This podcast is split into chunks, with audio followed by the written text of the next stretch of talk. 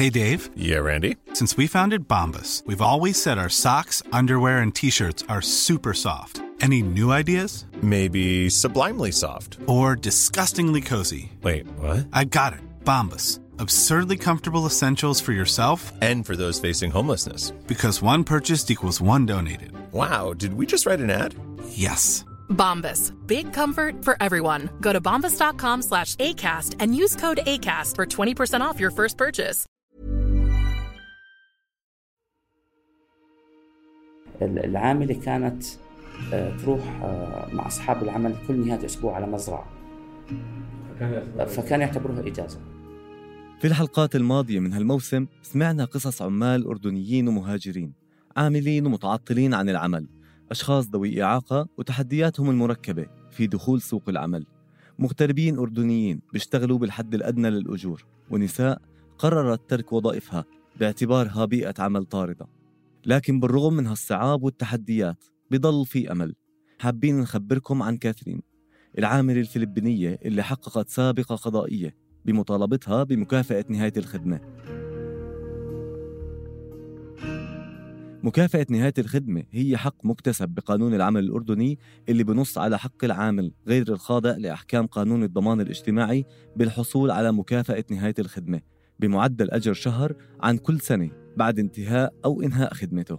يعني إذا عامل اشتغل لمدة عشر سنوات عند صاحب عمل بيستحق هذا العامل مكافأة نهاية خدمة بما يعادل أجر شهر عن كل سنة من هالسنوات العشرة اللي اشتغل فيها في حال ما كان مشترك بالضمان الاجتماعي.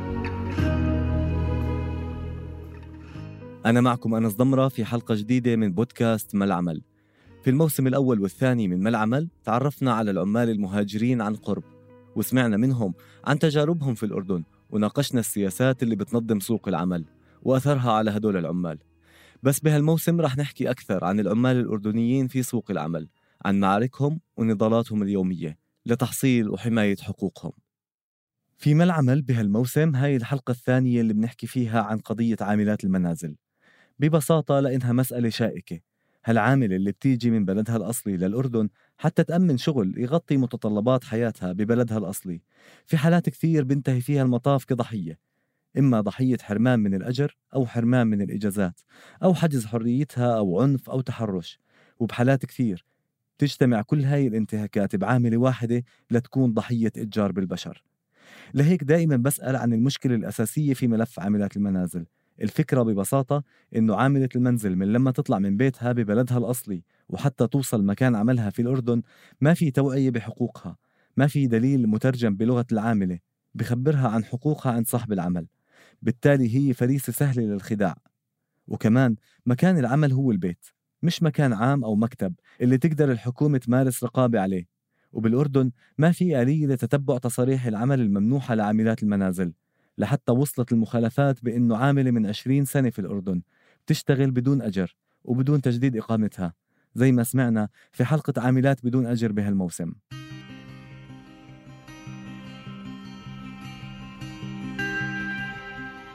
خليني أعرفكم على كاثرين.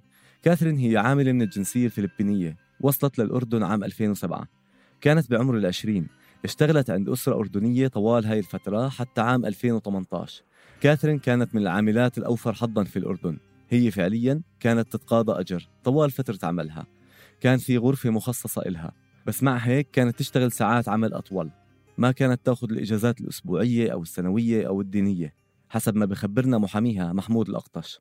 هاي العاملة من الجنسية الفلبينية آه، وصلت الأردن وحضرت ب 2007 تشتغل عاملة منزل لدى صاحبة عمل موجودة في عمان. اشتغلت عندها بحدود حركة العشر سنوات بعقد عمل يتجدد كل سنتين. هلا آه العاملة بعد آه طلبت إنه خلص يعني أنا انهيت العقد آخر سنتين بال 2018 أتوقع. بال 2018 انتهى عقدها حكيت لهم أنا خلص ما بدي أكمل معكم. كون العقد إيش؟ العقد انتهى. آه رفضوا إنه تسافر يعني. قالوا إنه بدك بدك تسافري بس ما لك عودة. قالت أنا ما بدي أسافر كون العقد انتهى. بدي أشتغل في الأردن بموجب عقد كمان. بس ما عند صاحب عمل ثاني بس ما بدي أسافر. قالت لا.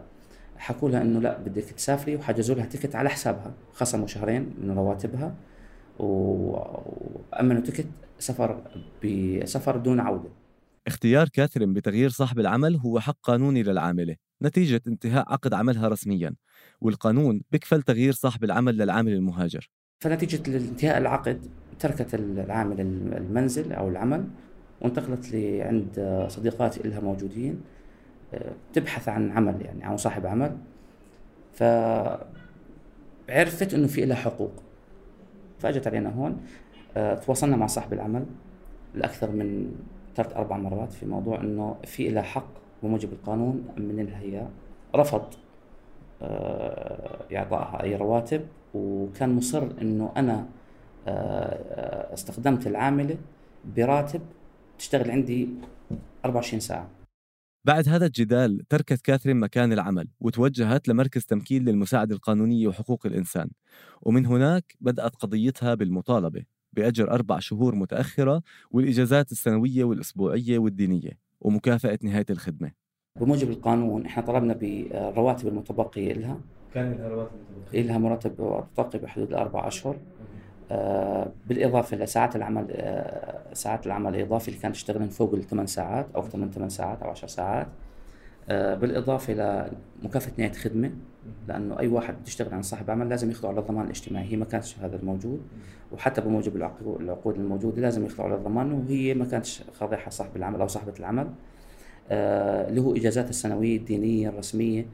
آه كونه أنه هذا القانون بنص عليها حرفي أنه لازم العامل هاي الحقوق لازم ياخذها هاي حقوق مكتسبة يعني بموجب القانون. بحكي لنا المحامي محمود الأقطش عن سير الإجراءات في المحكمة. وعبء الإثبات اللي بتحمله العامل في حال مطالبته بإجازات سنوية أو أسبوعية أو دينية.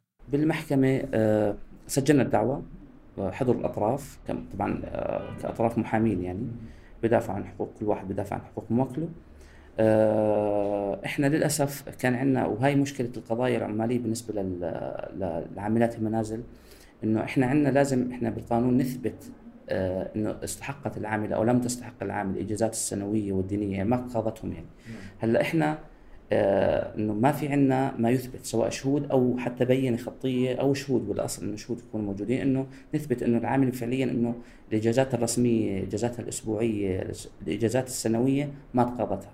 لأن بدك واحد يكون موجود يعني كشاهد بده يشهد في هذا الشيء آه هاي العقبة إحدى العقبات اللي كانت موجودة عندنا آه انتقل الدور الثاني للمدعى عليها أو صاحبة العمل إنه جابت الشهود آه إنه إنه تقاضت حقوقها العمالية كاملة. كاثرين ومحاميها ما قدروا يثبتوا إنها ما أخذت إجازاتها السنوية لكن تبرير صاحب العمل كان مختلف. التعليل كان بموضوع إنه العاملة كانت آه، تروح آه، مع أصحاب العمل كل نهاية أسبوع على مزرعة. فكان يعتبروها فكان يعتبروها إجازة. هلأ آه، سافرت أكثر من كل سنة كانوا يسافروا على مصر فاعتبروها إجازات سنوية من الإجازة السنوية.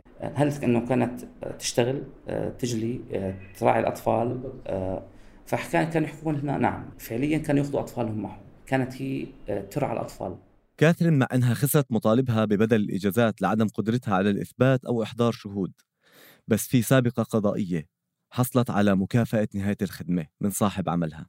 كحق قانوني في ظل عدم شمولها في مؤسسة الضمان الاجتماعي أثناء فترة عملها. تواصلت مع عدد من المحامين حتى أتأكد أنه كاثرين هي أول عاملة بتاخذ مستحقات نهاية الخدمة عن طريق المحكمة.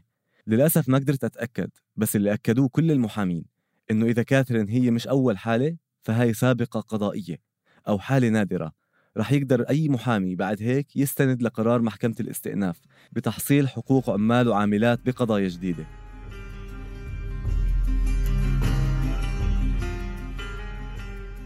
كنت معكم في الإعداد والتقديم. أنا أنس ضمرة تيسير قباني في هندسة الصوت وتالا العيسى في التحرير. تابعونا على فيسبوك وتويتر للاستماع إلى باقي حلقات برنامج ما العمل من إنتاج منصة صوت. رح نكمل معكم بثلاث حلقات خاصة عن الإتجار بالبشر. رح نستمع لقصص عمال أردنيين ومهاجرين تم استغلالهم داخل وخارج الأردن حتى تحولوا فعليا لضحايا إتجار بالبشر.